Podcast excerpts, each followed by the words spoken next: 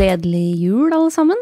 Eh, For dere som hører på, så er det nå romjul, og dere har åpna gaver og spist ribbe og pinnekjøtt og julekaker og alt som er stas. For oss så er det fortsatt 17.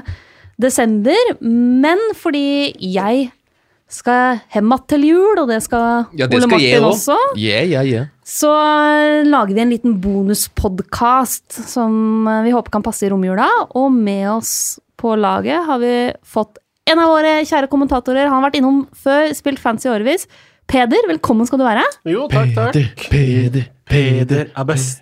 Peder. Peder er jo ikke best i fantasy i år, men uh, det er det jo veldig veldig få som er. Det er vel seks millioner spillere. Det er bare én som er det er bare én som er best. Ja. Men, men du har jo gjort det ganske sterkt i tidligere sesonger på fantasy. Nei, jeg har jo egentlig ikke det. Jeg har gjort det sterkt én tidligere sesong på fantasy. Ja, det var jo jo i fjor, og da fikk jeg jobb som Premier League-kommentator. Så lett er det faktisk. Eh, Hvem skulle tro det? Så det er bare å slenge inn søknader. Helt går- nydelig. Send det, send det på Instagram-kontoen vår, TV2 Fantasy. Eller så kan du bare Nei, ikke gjør det. Da orker ikke det. Men det vi skal prøve å gjøre i dag, da, sammen med, med Peder, er jo å se litt på det store bildet. Eh, oppsummere litt eh, sesongen så langt. Hvilke Yeah. spillere er det som liksom peker seg ut? Trender i lag. Og liksom lage grunn, legge grunnlaget for både siste innspurten av eh, juleprogrammet og 2018, men ikke minst prøve å gi dere noe å tenke på Mm. i 2019. Ja. Så må du starte da, Peder. Det er jo din første, første halvår som Premier League-kommentator. Ja, det er jo det. Eh, Det har jo vært eh, Det har gått fort, syns jeg.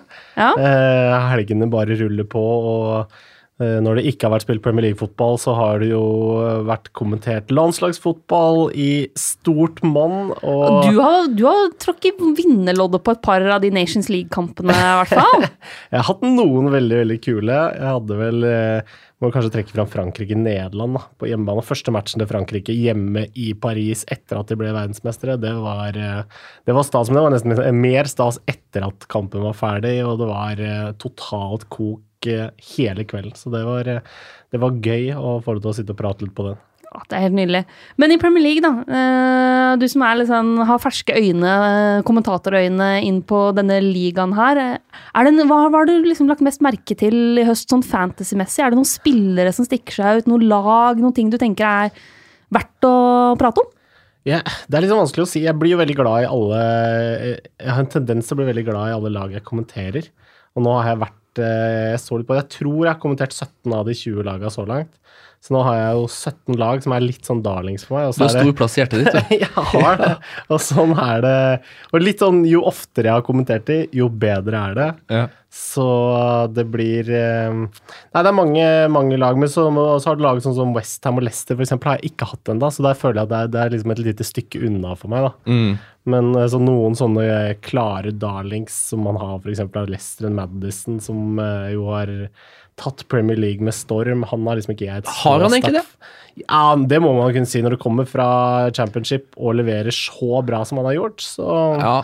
så er det noen sånne ellers. Men en som jeg liker veldig godt, da, som jo hadde en veldig bra periode på fantasy også, er jo en David Brooks på Bournemouth, som er en spiller veldig etter mitt hjerte. En sånn lyslugg som bare Som har sånn eminent slepen teknikk av veldig gøyal å se på. Men så har det jo har ikke gått helt veien for han i det siste. da. Etter at jeg henta han inn på laget mitt, f.eks., så har det vært eh, stillstand poengmessig. Men eh, jeg liker jo typen. da. Han tror jeg er en sånn fyr som man kommer til å se i Premier League mange mange år framover. Og det er så gøy med sånne spillere som du aldri har hørt om i juli-august, og som bare Ja, men han der er sikkert bare sånn junior som er med i preseason, og så, og så blir det ikke noe mer moro. Men David Brooks er um, Han er en av de på en måte the, the, One of those who got away. Av Katy Perry, en fantastisk låt, forresten. Den må alle gå inn og høre. Hele det Prism-albumet til Katy Perry er fantastisk. Og David Brooks har vært fantastisk hele høst. Um, en av de som jeg bare Å, jeg skulle ønske jeg hadde han inne. Fordi, ikke fordi han har liksom levert sånn vanvittig store poengsummer, men det er gøy å se han spille fotball. Og det er litt av greia for, for, med fantasy for meg også, at selvfølgelig man skal være kalkulert, og man skal være fornuftig, og du skal måtte gjøre så gode valg som du overhodet klarer. Men når du har 15 plasser å fylle den troppen, så er det utrolig gøy å sprite opp. Du må i hvert fall ha to, tre, fire av de plassene. Spillere som det er gøy å følge med på. Og Dave Brooks er en av de. Har sett Bournemouth-matcher. Nå har det nå har jo måte siste halvdel av eh, eller desember for Bournemouth har vært ganske tung. Men eh, David Brooks har vært lett og fin hele veien. Og så, så er han jo bare en liten små gutt. da, begynner til og med jeg å føle meg gammel. Ja, men Det er jo litt sånn med fantasy, for det er jo mange som snakker om at fantasy har på en måte vekka lysten til å se de små laga, de som man ikke ser så ofte. Ja, Du har en spiller på Watford, eller du har en forsvarer fra Cardiff eller Brighton, eller, og så er det litt spennende å se allikevel. Og da er jo David Brooks den typen. Når du sitter og ser på Bournemouth, så man følger jo gjerne litt ekstra med på Josh King og sånn, i hvert fall gjør jeg det, men det er jo ekstra gøy når man ser at ok, han spilleren han er så god, og det skjer ting rundt han hele tida. Det, sånn, det, det er en ekstra sånn dynamikk i, i han. Og, som man bare gjør at uh, man blir litt sånn ekstra glad av å se han spille fotball. Og så er det selvfølgelig selvsagt frustrerende da, hvis du sitter og og trenger fire poeng til, Ja. eller uh, fem poeng til, siden han er midtbanespiller med et mål, så Men hvor mye går dårlige runder inn på deg sånn fantasy-messig? Fordi det tror jeg det er mange som tar dette veldig seriøst. Det er kjempegøy. Og vi må jo si Mina, vi er veldig glad for all engasjement vi får. Ja, ja, selvfølgelig. Og vi ser, og vi er kjempeengasjerte sjøl. Vi, vi har en chattetråd som det flyr veggimellom uh, i helgene. Men hvor, hvor tungt går det inn på deg? Hvor mye legger du av deg sjøl i det, Peder? ikke så veldig tungt. Nei. Det er Nei, i år så har det blitt sånn bare... Jeg er sånn midt på treet i alle ligaene jeg er med i, og jeg, jeg kan ikke gå rundt og være sur for, at, for det hele tida. Mm. Livet er for kort til å være sur for at uh, Mitrovic ikke har scora en helg, eller at uh, Jimenez har blåst sjanse etter sjanse, som han jo så ofte gjør. Så det er, uh, det er litt sånn Hvis ingenting går veien, hvis du har en sånn runde der alt er stang ut, og Jedlin blir utvist, og sånn som jeg hadde her for et par uker siden, så er det, er det litt mer sånn Ja, det skal ikke gå for meg. Nei. Jeg kan egentlig bare legge ned den kontoen min. Jeg kan grave meg ned, ja, og nå- kaste spaden. Men nå er det jo Det er jo litt deilig når vi kommer til eh, nyttår snart, fordi da er det litt sånn blanke ark av flere grunner. Eh, Man får et nytt wildcard, så der går det an å, å gjøre en del justeringer. Men man får ikke ny triple captain for de som har brukt det. Nei, så man får Eller litt, free wildcard, det er den som har fornytt. Men så skal vi også ha et overgangsvindu. Eh, Ja. Så du veit jo aldri hvilke spillere som kommer inn og ut, og kanskje skal Chelsea kjøpe seg en ny spiss, og plutselig så ser du Higuain på Stamford Bridge som skal få servering Ai, ai, ai. fra Jorginho Hazard, eller du eller Pogba stikker fra United, eller Mm. du får liksom Ja, så at det, det er litt sånn nye muligheter. Eh, mitt største håp inn i overgangsvinduet sånn fancy-messig er jo alltid at noen av disse spillerne som ikke er helt gode nok til å spille fast for de største lagene, går på lån Mm. til en sånn mid-table og nedover-klubb. Som Nathan Akay i Bournemouth eh, Yes. lån fra Chelsea for noen år siden. Ikke sant?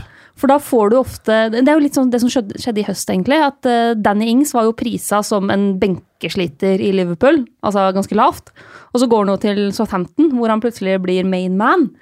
Og, og sånt kan være litt eh, interessant å følge med nå eh, når, når overgangsvinduet åpner etter hvert. Om det er noen spillere som Hudson og Doy i Chelsea, eksempel, som jeg har veldig trua på sånn på sikt, kan kanskje være en av de som lånes ut til, til Loftus Cheek har det vært mye snakk om, da. Loftus Cheek. Som ikke har fått eh, så mye spilletid som han kanskje har fortjent denne høsten.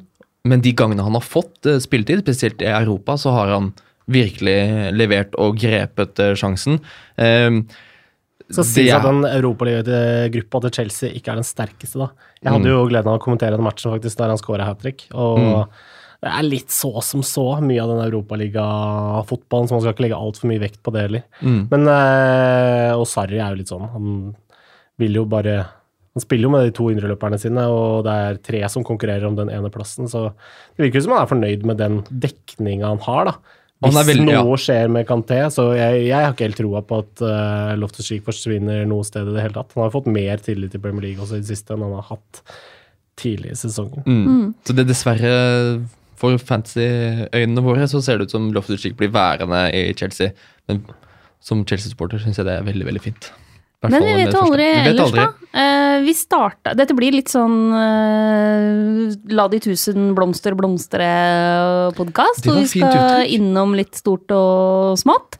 Eh, jeg tenkte å starte siden, siden Peder starta med, med Frazier og vi var litt om, innom Bournemouth. Ja. Eh, For det er jo et av de lagene som har begeistra meg mye i, i høst. De spiller veldig, veldig offensivt uansett motstander. Det gjør både at det er fint å ha toppspillere mot dem. Det er alltid Mm. gode kapteinsalternativ, for du veit det kommer til mye sjanser. Men det er også en del billige spillere der som har levert. Da. Eh, og vi har fått litt spørsmål om dette med penger per million. ja. Og der er jo sånn som eksempel Callum Wilson ligger jo veldig høyt foreløpig. Eh, på, på nesten 13,5 poeng per million. Eh, det er veldig, veldig bra. Det er bedre enn eksempel Eden Hazard, Er det best? Nei, altså de aller beste er jo gjerne de defensive spillerne, for de er jo såpass billige. Så, så Doherty i Wolverhampton, et annet lag som har begeistra mange, ligger jo på, på nesten 15,7 poeng per million. Eh, Fabianski ligger også der. Så de er liksom de som ligger høyest Eller som Ja. lå høyest 17. desember. Ja. Dette kan jo endre seg. ja. Men blant spissene så er Wilson eh, Wilson veldig best, bra. vel? Eh, men også sånn som Frazier, som er over 14 poeng per million. mm. Og Jimenez i Wolverhampton ligger også veldig høyt på, på poeng per million. Så det syns jeg også er litt interessant, da. Eh, Pereira ligger Mm. på nesten 12 poeng per million foreløpig. Ok, ja. Så her er det liksom Men det man ser generelt, er at der det er mest verdi per million, er jo veldig ofte forsvarsspillere og keepere. Eh, og så er det de liksom billige midtbanespillerne Mm. og spissene som er i form, som spiller for de her litt sånn mid-table og nedover-lagene, Ja. som er offensive. For Callum Wilson har um, Jeg har vært en av de som har vært litt overraska over at han har hatt en så god høst som han har hatt. Uh, og dette har vi jo dette har vi diskutert flere ganger, Mina, opp gjennom høsten. At ehm, nei, men Callum Wilson har det ikke i seg å være så stabil og levere 15-20 seriemål i en sesong. Og det, grunnen til at jeg har sagt det, er jo basert på de tidligere sesongene han har levert. Um, tror vi at eh, Nå har Wilson skåra åtte mål denne sesongen. Han har også åtte fancy assist. Det er 16 målpoeng eh, registrert på fancy. Det, kommer det tallet til å bare øke og øke, tror vi? Altså, jeg er helt sikker på at det kommer til å øke, men hvor mye det øker, det vet man aldri. Men eh, altså, jeg syns Callum Wilson har sett eh, strålende ut sånn spillemessig også. Det er ikke noe tilfeldighet at han ender opp med å ha score mye mål og, og ha en del assist. De har jo en sånn angrepsrekke som funker bra. Problemet for Bournemouth nå er jo at eh, de har spilt dårlig i det siste. Mm. Har eh, Men de, de har jo vært litt sånn tidligere også. Plutselig så klikker det på plass. Det har vel nesten vært motsatt kurve av det det var i fjorårssesongen. Da de eh, jo sleit fryktelig fra starten av i sesongen, og så begynte å finne formen omtrent i samme tida som de har begynt å rakne nå. da. Mm. Så, men de er jo litt sånn, plutselig vinner de fem på rad, og så taper de sju på rad, og så er det Det har jo liksom vært historikken uh, der. Mm. Så kan det hende at uh, en liten småskade på Wilson og sitte, sitte av en kamp eller to, og så plutselig, så hvis når, hvis, når han er tilbake, så um, er han litt uthvilt og er i storslagen. Jeg, har ikke noe, jeg ser liksom ikke noe grunn til at det skal endre seg. Tidligere så har han jo slitt mye med skader og litt sånn småting også, så han, eh, han har jo hatt en mye ryddigere sesong og sesongoppkjøring enn han har hatt noen gang. Vi kan jo se litt på tallene til Callum Wilson òg, da. Dette er jo tallene fra Gameweek 1 til 17. Og han har altså hatt 17 store sjanser. Én per kamp. Det er flest av alle offensive spillere. Eh, de som kommer på plassene bak, er, er Salah og Kane, eksempel, på, på 14. Eh, han, har, han ligger veldig veldig høyt på expected goals, som vi har snakka om tidligere. Da er det bare Aguero, Salah og Kane som er over han. Han har altså hatt sju, nei 38 skudd inne i boksen. Sammenligna med Kane har 40, for eksempel. Salah har 41. Så han, han ligger veldig, veldig høyt i alle de kategoriene som ofte betyr at du scorer mye mål, er målfarlig og får store sjanser. Mm. Så det er liksom de underliggende tallene hans tilsier også at uh, det er ikke bare flaks da, som har gjort at Wilson har levert såpass bra. Mm. Så han er jo en av de store, liksom, kanskje overraskelsene Det er jo alltid her. noen sånne som starter lavt i pris, og som bare vokser og vokser gjennom sesongen. Og det, den, eh, det Leicester-året, eksempel, så jo, var det jo Mares som jo starta veldig, veldig lavt, begge to. men som jo etter det har blitt sånn 8-9 millioners uh, spillere og, og enda mer. Så det er, eh, det er alltid noen sånne som eh, bare tar spillet litt med storm, og da er det bare å kose seg med det mens man, eh, mens man har muligheten. Fordi Mm. Wilson, hvis han fortsetter sånn som han er, så kommer han til å koste åtte fra start av neste år. Og tenk så dyr eh, Matt Doherty blir neste, sesong. Ja, altså, Matt Doherty er jo en, en helt av dimensjoner eh, denne sesongen her. like the wolf that you are? Mm, mm. Matt Doherty, altså. Legende. Legend. Makan til, eh, til fyr. Altså, det er Vardi og Mares i samme fyr, det. Eh, Jeg vet ikke om du husker den, eh, den sesongen til Leicester for et par år siden, hvor bra det egentlig var. Doherty Jo, jo, som var- Mari, så var det én det, Ja, det er ikke langt det unna, er så altså. absurd påstand at det er helt latterlig. Ja, men tenk på ja, Nei, det er ikke latterlig. Altså, mannen er Altså, det er Han leverer og leverer og leverer uansett, altså. Og han har steget opp til 5,1 nå. Eh, men han har fortsatt for eksempel, nesten to millioner bilder enn Jeg Alonso. elsker Matt Doherty. Eh, og hvis vi ser på, på avslutninger da, fram til Game Week 17, eh, blant bare forsvarsspillere, så har Alonso 25 avslutninger, Docherty har 23. Mm. Men 12 av Docherty sine er på mål, fire av Alonso sine er på mål. Så han, han ligger veldig høyt og fint generelt på de offensive tallene, og han har også 20 forsøk på assist. Det er, han som knuser Alonso, som er 16. Og den eneste forsvarsspilleren, eller de eneste forsvarsspillerne som har flere forsøk på assist enn Docherty, er, det er Luka Ding, som troner øverst med 33. mm. Altså 33 forsøk på assist, det er helt ellevilt. Og så har du Holebas, Robertson og Trippier, som ligger over Docherty. Det er ganske sterkt, vil jeg si. Ja. ja han, eh, han har jeg hatt eh, fra Ikke helt fra start. Det har, har jeg ikke. Eh, jeg klarte å styre unna det der. Han hadde selvmålet mot, mot Leicester i runde to. Og så har det bare balla på seg med poeng. Det var en liten dupp sånn i, i oktober-november der.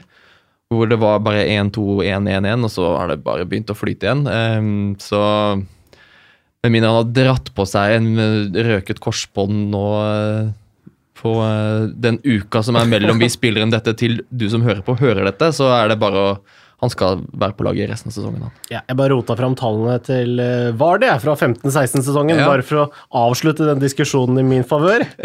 For han starta på en verdi Jeg er ikke helt sikker på hva han starta på, men han starta på 5 eller 5,5. Han endte sesongen på 7,4. Han hadde 211 poeng fra 5,5. Han skåra 24 mål, hadde 8 assist. Og så er liksom Matt Doherty Jo da, han er bra, han er god spiller, liksom. Men vi er ikke i nærheten av det nivået. Nei, jeg bryr meg ikke om det. Matt Doherty er, mye- han er Jeg, jeg er dommer her. Uh, Peder vinner denne runden, Ole Nei! Martin. Jeg beklager. Men ok, hvis vi, hvis vi skal snakke litt uh, defensive spillere så langt, da. Uh, Peder, hvilke, hvilke lag har liksom imponert deg mest defensivt så langt? Altså, Fantasy-messig er jo litt sånn pussig, fordi eh, eh, det viktigste er bare å holde nullen. Så du kan slippe inn åtte mål i hver kamp, så lenge du holder nullen i halvpa... Altså, si at du slipper inn åtte mål annenhver kamp, da, og så slipper, holder du nullen i de andre, så får forsvarsspillerne dine egentlig sånn greit med poeng. Nå får de riktignok litt minus for de der åttemålskampene, altså det var et dårlig eksempel. Men det er klart et lag som Wolverhampton har sluppet inn lite mål. Har likevel kanskje ikke holdt nullen så mange ganger som man skulle tro. Newcastle er jo et sånn typisk lag som burde slippe inn ganske lite mål. De er jo satt opp eh, sånn fra Benitz sin side. Men de, allikevel, de holder ikke nullen så ofte som man skulle tro. Crystal Palace igjen syns jeg ser ganske shake ut til tider. De har holdt nullen vel flest ganger av disse båndlagene. De har vel seks clean sheets, tror jeg. Ja, og det er vel bare type Chelsea, Liverpool, eh, City som er over det. Og, så det er en sånn eh, det er litt vanskelig å si akkurat hvem som er eh, de store vinnerne der. Men altså bortsett fra den soleklare eneren da, i Liverpool, Mm. som Ja. jo har eh, De har jo også backer som en Trent Alexander Arnold og Joe Gomez som har spilt mye. Nå er jo begge de ute med skader, riktignok, men allikevel så er det sånn De har vært så solide. Mm. At det, det har vært en fryd å se på for eh, Altså, min påstand er jo at det Liverpool-laget er temmelig solid så lenge van Dijk spiller. Og At, det du- gjør at du jo. kan Ja, men det er litt sånn, du kan slenge inn nesten hvem som helst som stoppermakker for van Dijk, og det vil likevel være temmelig trygt. Mm. Jeg tror at altså, Napper du van Dijk ut av den forsvarsrekka der, så blir det med en gang veldig mye mer shaky. Jeg har holdt null den ene kampen han ikke spilte. Ja, men sånn generelt, da. Jeg er enig med deg, for all del. Så, så vil jeg si at liksom det Så lenge van Dijk er der, så er Liverpool det laget jeg stoler mest på defensivt. Uh, City var jo veldig trygge defensivt lenge, Mm. men så begynte det å glippe litt. Mm. Altså, de vinner jo uansett, da, men da Ja. vinner de plutselig 3-1 istedenfor 3-0. Og det er jo litt frustrerende hvis man har investert i Ederson eller Laporte, f.eks. Ja, og så er vel Mendy den eh, City-forsvareren som de aller aller fleste har hatt, og som jo starta strålende, forsvant ut, kom inn igjen, var bra igjen, ble skada igjen. Sånt. Det det har jo vært litt sånn av og på hva man har investert i, sånn City forsvarsmessig, men det er klart at eh, en Laporte har jo spilt så å si alt. Han har vel én kamp han ikke har starta, og virker jo som det tryggeste valget da, i forsvarsrekka der. Og Mm. de kommer nok til å holde nullen temmelig mye framover også. Hva tenker vi om Chelsea defensivt? Det som har overraska meg med Chelsea defensivt, er at eh, den fireren som uh, Maritio Sarri har valgt, det har han jaggu meg valgt også. Og eh, før sesongen så snakka Så var jeg overbevist om at eh, Marcos Alonsos dager så var den så å si talte i den uh, startelveren. Men um, og samme gjelder for så vidt David Louise også. Men Sarri har bare stå last og brast med de, og den fireren med Aspil Coeta, Rydiger, David Louise og Alonso, den kommer til å spille hele sesongen. Og um, det er de som er eh, Nå er jo de man kan si nå har de blitt skikkelig samspilt. Og eh, selv om Alonso er den dyreste forsvarsspilleren, så kan jo det forsvares når han er så fast i den startelveren og har de kvalitetene han har, både med å Han plukker clean sheets eh, så å si annenhver kamp, og det er målpoeng, det er en frisparkfot. eh, Han kan skåre på dødball. Han er ekstremt offensiv, har en høy average, altså gjennomsnittlig posisjon i, eh, i det laget. Jeg skulle jo tro at Chelsea skulle, var, skulle være mindre solide defensivt enn det de har vært. Så de har vært en positiv overraskelse. Um, så det, det, har, det har vært en god start for Sarri i Chelsea. Det har det definitivt vært. Og for alle oss med Hazard og Alonso, de favorittene der, selvfølgelig. En annen eh, nykommer på trenerbenken i år har jo vært Emery eh, i Arsenal. Eh, Du har kommentert Arsenal, Peder. Ja, jeg skal Ja. ha de et par eh, ganger i romjula også. Nå, Ja. Jeg skal ha de andre juledag. Nå er vel et, kom vel ut etter det. Mm. Men jeg skal ha de første eller andre nyttårsdag Jo, første nyttårsdag også. Mm, og der har vi jo hatt altså de, de har jo tidvis spilt eh, fantastisk offensiv fotball, men, men defensivt så har de jo sett ganske shaky ut. Og de har også hatt ganske store skadeproblemer. Tror du Emery kan klare å stramme opp Arsenal defensivt også, sånn at det er mulig å hente inn noen spillere der, eller er det Jeg hadde ikke stort på forsvarsspillere der ennå. Det som er litt bemerkelsesverdig med Arsenal-sesongen, er jo at de har vunnet så mange kamper som de har vunnet, rett og slett.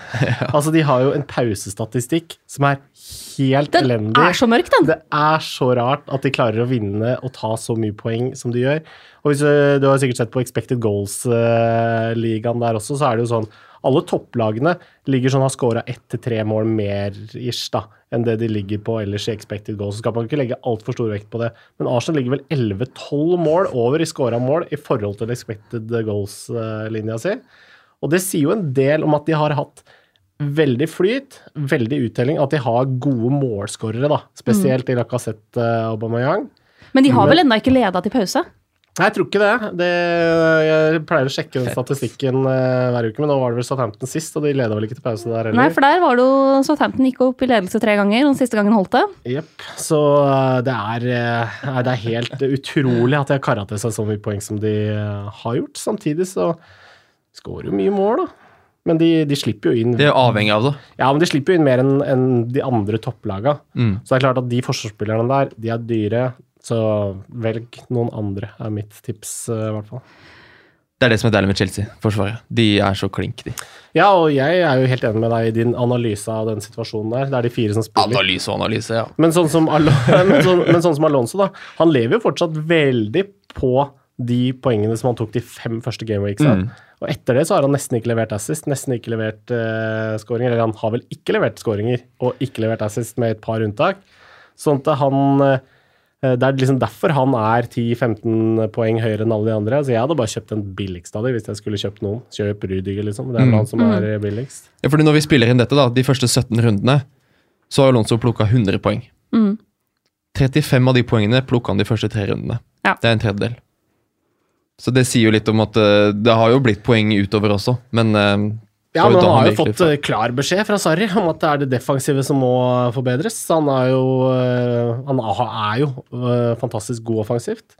Og så har jo Sarri sagt at hvis du blir bedre defensivt, så kan du bli den beste venstrebekken i, mm. i Europa. Og fått eh, Jeg regner med han har lyst til det. Ja, hvorfor ikke? Og han vil jo spille, Ja. så da, da holder han seg litt lavere på banen, og kanskje ikke like mye inne i 16-meteren som han var i starten av sesongen der.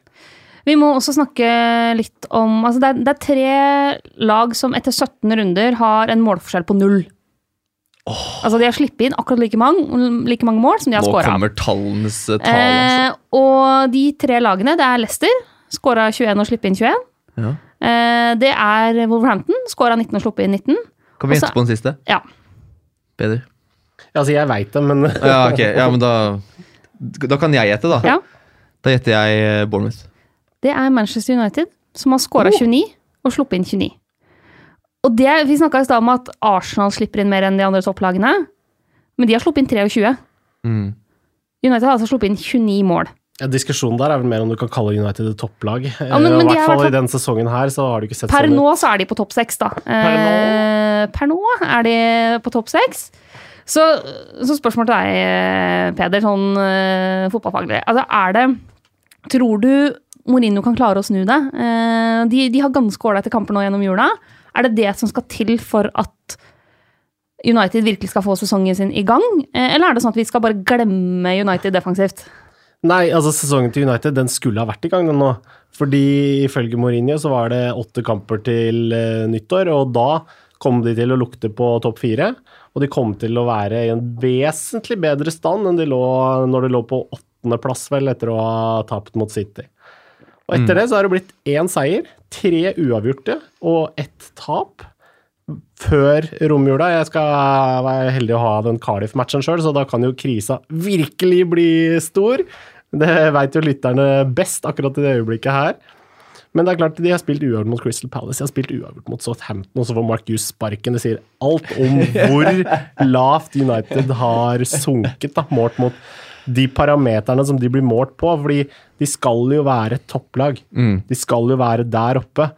Men det vi har sett av de i, i toppmatcher, og for så vidt også mot dårligere lag, er jo at de, de er milevis unna akkurat i øyeblikket. Og det, det veit fantasy-spillerne også. Jeg så så vidt på statistikken her, og det er vel ingen United-spillere av utespillerne som er valgt av eh, 10 av spillerne. Nei. Og det vil jo si at uh, United-spillerne, de, altså de, folk skyr dem som pesten. Mm. Og det er jo litt fordi det varieres en del på laget, men også selvfølgelig fordi de leverer rett og slett ikke Mm. varene.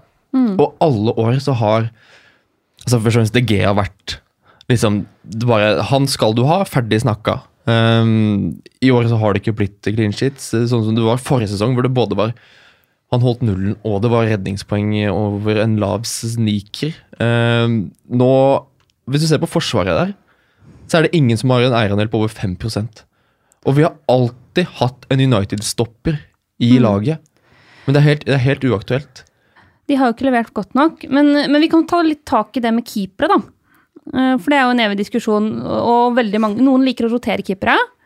Eh, Basert på kampprogram. Andre liker å bare velge seg én keeper og la den stå, og så ha billigst mulig på, på benken for å spare penger. Hva, hva er din strategi, Peder? Nei, i fjor så hadde jeg det he- hele sesongen, eh, og det funka helt strålende. Det begynte jeg vel med i år også, men nå har jeg kjørt mer sånn to. Jeg har hatt Pickford og Patricio de siste Ja, eh, det kommer jeg vel sikkert til å bli stående med ganske lenge også, tenker jeg. Og det, Der er det stort sett sånn at en av de to lagene har grei motstand. En av de møter noe som de kan holde nullen mot. Så var jo Wolverhampton har jo vært forholdsvis solid defensivt også. Vi kan ta litt åssen det ser ut på sånn keepermessig eh, til og med runde 17. Mm. Og det er det, altså de, de to keeperne med mest poeng, det er Alison og Ederson. Um, og, og Kepa. Eh, men det, det er jo nettopp de tre lagene som har vært best defensivt i, i Liverpool City og Chelsea. Men Fabianski har jo like mange poeng som Kepa. Mm. Og er jo en million billigere.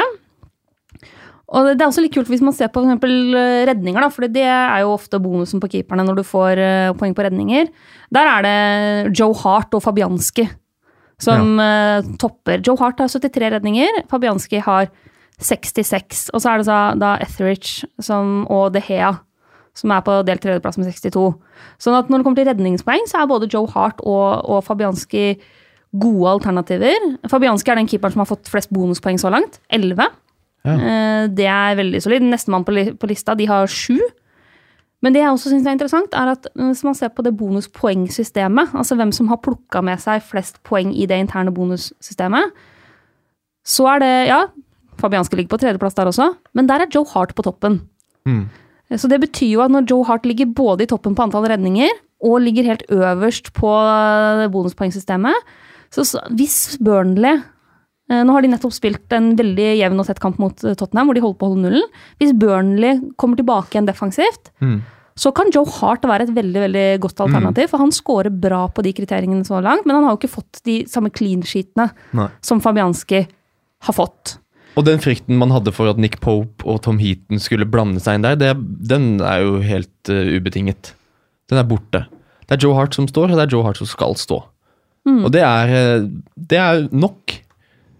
Når du legger til det med dette med redningspoeng, bonuspoeng, så er det det som er, det er, det som er suksessformelen formelen nå, øh, denne sesongen, som alt tyder på.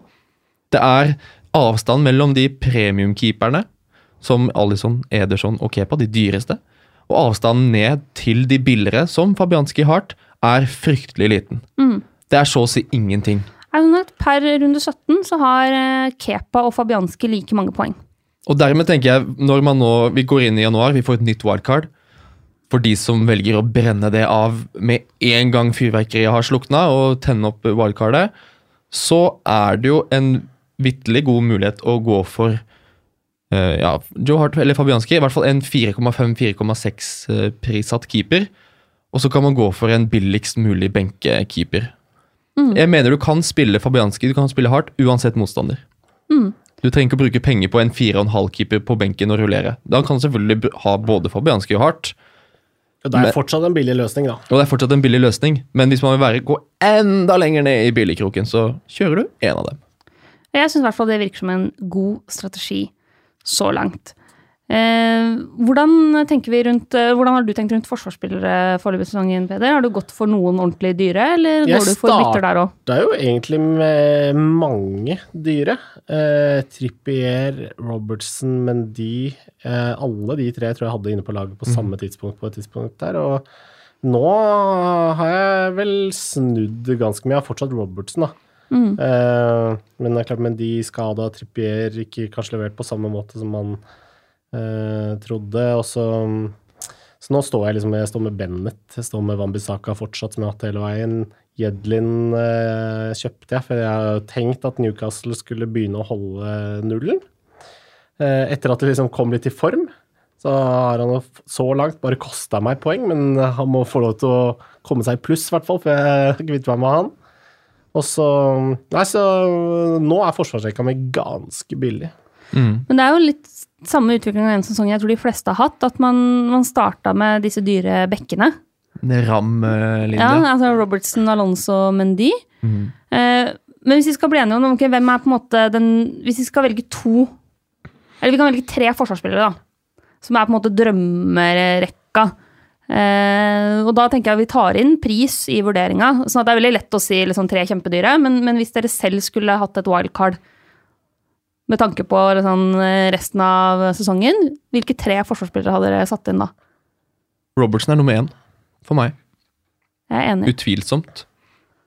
Fordi er der får du the total package med Ja, defensive Da tror jeg, siden sikkert du har lyst til å velge Do- Doherty, så tar jeg Dini, da. Fordi han Ja. også ligger høyt på sjanseskaping, er eh, solid, kreativ back. Everton begynner å finne formen litt ordentlig, så det tror jeg kan eh, være en fin løsning framover. Han er ikke altfor dyr eller koster vel fem blank. Ja. Um, er det forsvarsrekka vår? Jeg er villig til å være enig i den. altså. Mm. Eh, vi kan sånn ta din, da. Din har slått 135 innlegg på de 17 første kampene. Det er eh, ingen som har flere. Han har flest forsøk på assist, som jeg nevnte i stad. Eh, han eh, gjør, har ganske gode tall på alt som er de defensive også. Altså klareringer, brudd, taklinger osv. osv. Der også ligger han liksom eh, topp top ti på mange av de statistikkene. Mm. Eh, og han plukker med seg liksom brukbart med poeng i det bonuspoengsystemet også. Mm. Og i et offensivt Everton-lag. Ja, han spilte jo ikke de tre første matchene ellers, så Nei. det er jo også sånn liten apropos at uh... Han er kommet for å bli. Ja, det er jo noen poeng i hvert fall der som når man ser på totalen og sånn, da, hvor at han kanskje ikke ligger blant de aller øverste. Og det er også kun Holebas som har slått flere vellykka cornere Ja. enn din så langt. Eh, har vi jo hylla i nok allerede, tenker jeg. Men, men er det vår, eh, vår drømmetrio i forsvarsrekka? Det er Mm. altså Robertson, Doherty, Og din. ja. Ah, det er helt nydelig. Bifalles. Skal vi bevege oss litt fram på, på midtbane, eller? Mm. Og se litt på, på de offensive spillerne. Hvem er det som har imponert deg mest uh, av målskårerne den høsten her, Peder? Uh, på midtbanen, Mm. da er det jo Altså, jeg må si en eh, Raheem Sterling, da. Jeg tror jeg tar han som egentlig nummer én, fordi eh, jeg tenker liksom alltid som Stirling sånn Ja, nå gir det seg vel snart. Mm. Nå nå er de der små føttene snart ferdig spilt, Ja. men han utvikler seg stadig og blir bedre og bedre, og kanskje enda mer klinisk foran mål nå enn enn tidligere, selv om han fortsatt brenner litt sjanser, da. Husker du hva vi sa, Mina? I den, vi hadde sånn preseason-podkast i juli Det begynner å om bli lenge siden. Vi sa sikkert at den var overprisa. Vi sa det var tid Altså, det var en sinnssykt overpris. Og Det- folk skulle holde seg langt unna. Vi tok jo feil. Ja, så Så enkelt eh, kan man si Det det. var ikke verdt å bruke 11 millioner på Raheem Sterling. Det var bare tull. Ja, og sånn eh, har vel mange, Sånn har vel mange tenkt, og til slutt Ja. Jeg også ikke den bare Til slutt så måtte jeg bare bøye nakken og tenke Mm. jeg må faktisk bare få han inn. Mm. Det er ingen vei utenom. Det er klart at nå er jo Sané ordentlig tilbake, leverer, og Sterling eh, har jo blitt hvilt i enkelte tilfeller og sånn i det siste, men jeg tror nok det er eh, et ledd av en Pep Guardiola-plan om å være litt friskere gjennom jula enn det det var i fjor, fordi det var eh, litt middels suppe i noen av de matchene der. Mm. Skal vi ta Jeg må bare nevne at Eden Hazard har Han har gått fra å være en sånn Jeg tror mange har sett på Eden Hazard i tidligere sesonger som en sånn Ok, han har et vanvittig toppnivå, men det, går, det er litt for ustabilt. Han er litt for uforutsigbar. Han, han klarer ikke å levere jevnt nok eh, over eh, en hel sesong. Men sånn som han trives nå under Sarri, kontra Antonio Conte sitt eh, lag, så er det en, det er en vanvittig viktig spiller for Chelsea. Og kontraktsituasjonen hans fortsatt ikke er avklart. Hvis den kontraktsituasjonen kommer på plass, han signerer en ny kontrakt med Chelsea, så er han eh, han, er, han er overalt. Vi snakker om Stirling har den der, han er målfarlig, han er giftig. Men Hazard er involvert uansett. Overalt. Ja, han har vel uh, henta flest poeng av alle spillere akkurat i dette øyeblikk, i hvert fall i Fantasy, så det er jo vanskelig å komme utenom han også, selv om eh, Han har virkelig tatt steget opp, føler jeg. På eh, Helt blant de aller, aller store. Ja, han har ikke så mange av de derre kokosmatchene, da. Han er en slags sånn Kevin De Bruyne var i fjor type spiller, der det blir litt sånn en scoring Som også kan score en hat trick, da. Ja. Men, Ja, men han gjør sjelden det, da. men i de 17 første kampene så er Eden Hazard den blant midtbanene og spissene som har flest kamper med mer enn ti poeng, Ja, ikke sant? faktisk. Han er den spilleren med flest forsøk på assist. Det er kanskje ikke så overraskende. Han er 47, og så er det de to bak han er faktisk William og Frazier. Mm. Eh, han har ett skudd on target eh, per 68. minutt. Det også er eh, bra. Han er jo da slått av f.eks. Kane, Aguero, Sala, som alle skyter on target enda oftere enn Hazard, men, men likevel ligger han høyt også på de statistikkene der. Mm. Ja, han er um, vi tanke på at han, han starta ikke de to første kampene. Han har vært ute med skade én match. Det har også vært litt, Han har ikke spilt alt. Så um, er han nydelig. Men også, en som du nevnte der, Mina, Ryan Frazier har vært uh, høstens uh, glede. Ja. Det hadde jeg ikke sett komme. Nei, det hadde vel ingen. Eh, også, eh, altså, eller for all del, han er bra, men han har jo hatt en enorm uttelling da, på, på Fantasy. Målt mot, eh, målt mot pris. Like mange poeng som Sadio Mané i dette øyeblikk. Ja. Det er ganske ellevilt. Mm. Eh, Nei, så- Ryan Fraser har vært eh, veldig bra. Men eh, sånn målt mot eh, David Brooks, som vi snakka om tidligere, da, så, så veit jeg jo hvem jeg liker best av de som spiller.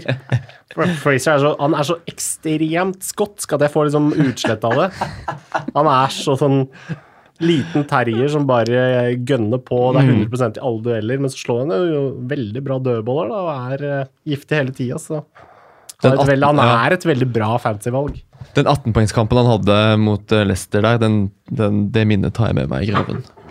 Så må vi snakke litt om eh, to lag som eh, har blomstra offensivt med nye trenere. Det er Everton og Westham. Mm. Som begge begynner å synes jeg, se veldig veldig bra ut. Altså, nå, nå er Everton et ordentlig godt fotballag. Ja. Ja, det, det må du vi bare si. De, er de er et lag nå som de spiller morsom fotball. De er vanskelige å slå. Eh, så de kan forsvare seg også. Mot Liverpool så vi det, eksempel. Eh, og de har altså noen spillere som bare danser ball Mm. innimellom. Men hvem er det som har imponert oss mest denne høsten? Er det liksom Richarlison, eller er det andre? Altså, forventningene til Richarlison var ganske store. Altså, det, han var eh, Hvis man går til før sesongstart, så var jo han den alle tenkte eh, Ja, han skal vi ha. Ja. For han kosta ikke så mye, var midtbane, kom til å spille spiss. Og, eh, og har jo levert, må vi kunne si. Han var jo ute noen matcher med karantene, og totalen er jo at han er eh, Han har hatt en veldig fin sesong. Eh, Men det er klart at en del av de gutta som har kommet inn etter hvert, da, syns jeg er litt uh, spennende. Jeg liker jo en Bernard, for eksempel. Herlig type. Men eh, kanskje uten at han har produsert altfor mye enda, så syns jeg han er veldig gøyal å se på. André Veldig- Gomez har jo endelig funnet fotballgleden igjen. Ja, Etter å ha vært veldig deppa i. Barcelona. Helt fantastisk. Så har du den, eh, denne Lookman, som er eh, veldig underholdende, han også, men som jo fantasy-messig er et fryktelig valg foreløpig. Og det må vel kunne si om eh, André Gomez også. Ja, definitivt. Men vi må snakke litt om Gylvi Sigurdsson også. eh, For han er jo en spiller mange henta inn etter flere gode runder. Og så er man, så Han går litt opp og ned, men jeg syns det ser ut som han denne sesongen her er i ferd med å bli den spilleren han var i Swansea. Helt enig. Eh, og, og er egentlig Han er en sånn spiller som jeg godt kunne satt inn og bare latt stå. Eh, han er den som så langt har slått flest vellykka innlegg. Eh, han er den som eh, så langt sammen med Filipe Andersson har eh, flest gjennombruddspasninger. Mm. Han leverer generelt veldig veldig gode tall på når det kommer til potensialet for assister. Mm. Han har også faktisk ligger liksom overraskende høyt på avslutninger. Han er en topp ti totalt på antall avslutninger også. Mm.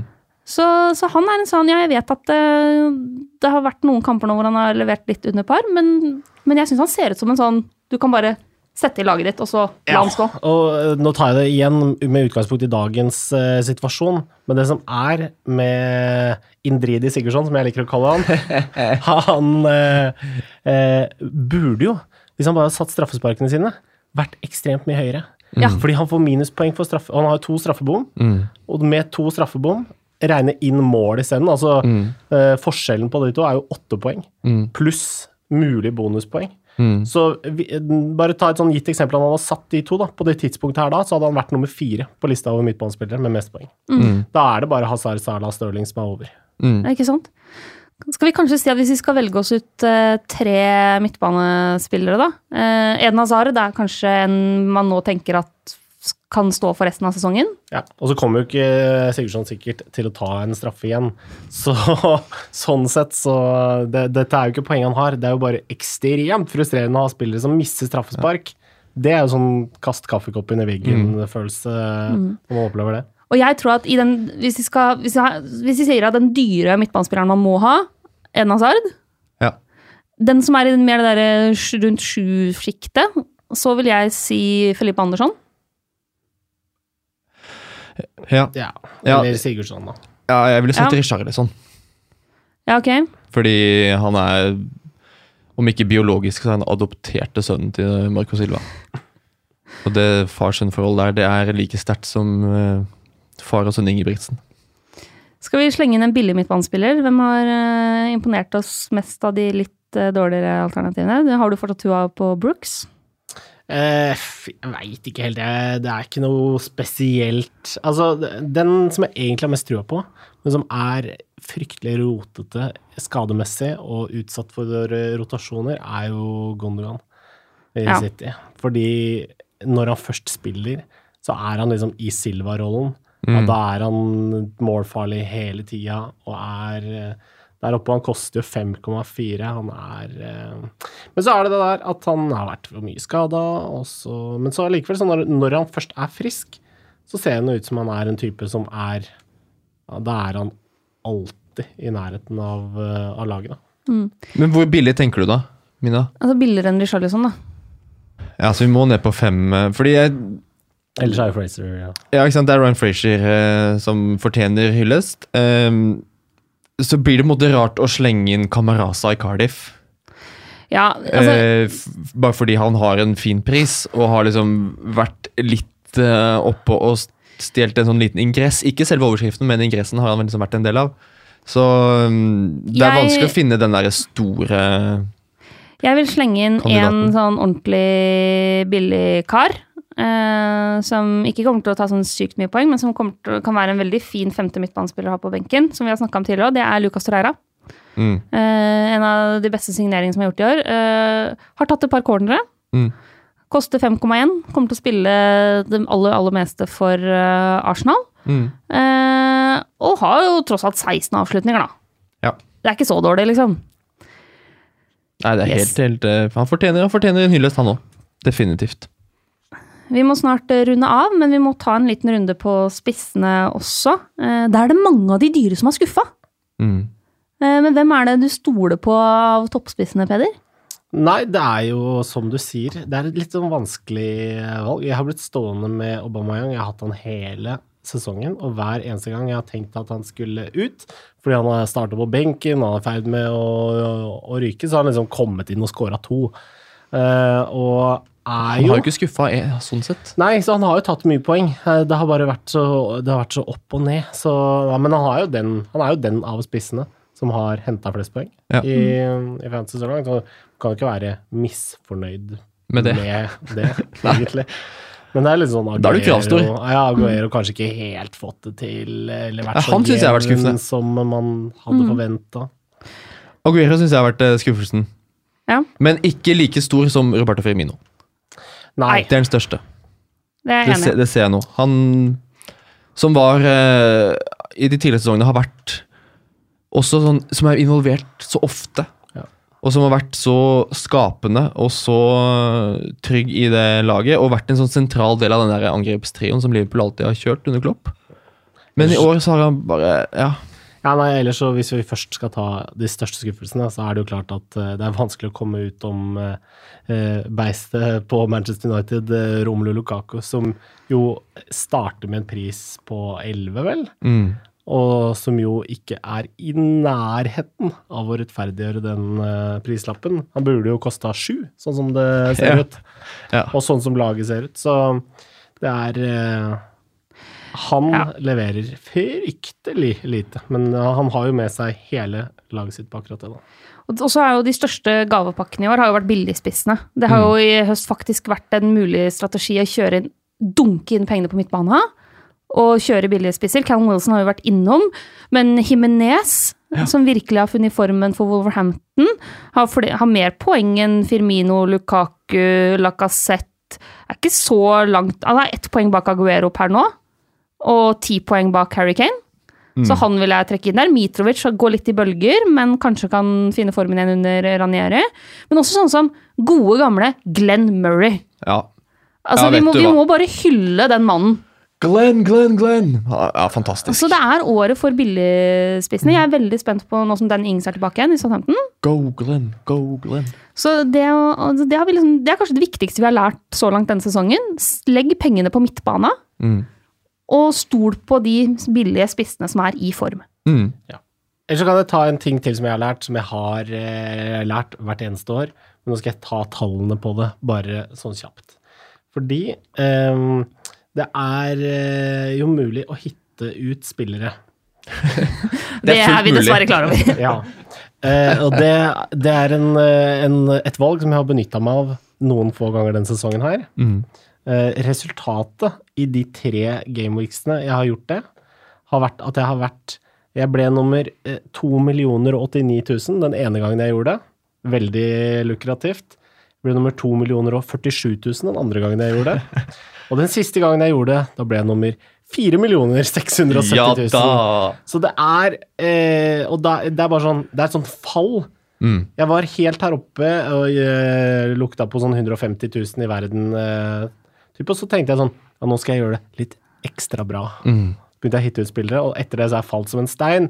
Og prøver liksom desperat å kaste meg inn i det samme trenden igjen. Men nå i hvert fall nå til neste gameweek så har jeg klart å holde meg helt rolig. Ikke gjøre et eneste bytte. Så nå skal jeg ta to gratis bytter, og det skal bli deilig. Vi må si det hvert eneste år. Å ta hits og ta minuspoeng, minus fire for å gjøre et bytte, det lønner seg så å si aldri. Jeg, tror, altså jeg har kommet så dårlig ut av det de gangene jeg har gjort det denne høsten her. Og det å spare opp et bytte og kunne gjøre to av gangen, det er altså så mye verdi i det at det er nesten ikke til å tro. Det føles, Fire poeng føles som fryktelig lite. Men som eksempelet til Peder viser, altså Du faller som en du stein. faller som en stein, og du havner bakpå, og du må hente inn igjen. Og da sitter knappen for å ta enda flere minuspoeng sitter mye mye løsere og frister mye mer. Spar hitene til du ikke kan stille en førsteelver. Mm. Hvis du får langtidsskade på de dyre spillerne dine. Å ha to bytter, det er gull verdt. Det er det. Det er noe av det beste som fins. Vi er nødt til å runde av. Mm. Eh, Men da har dere fått litt julepåfyll. Litt Mm. løst og fast av hvordan eh, vi syns sesongen har vært så langt. Innimellom Og- pinnekjøttet og ja, ribba og litt ja, tanker vi har gjort oss uh, fram mot jul. Ja. Så håper jeg at dere alle sammen har en nydelig fancy jul med bare grønne piler og treffe på kapteinsvalg og hele sulamitten. Mm. Ja, vi Lykke må til. krysse fingrene. Ønsker riktig godt nyttår Godt nyttår, alle Godt sammen. nyttår. til alle sammen. Høres til Arsenal Fulham klo- første nyttårsdag Oh. klokka 16.00. Det blir deilig. Takk, Peder. Takk for at du var med. Bare hyggelig. Og takk til Mina. Og godt nyttår.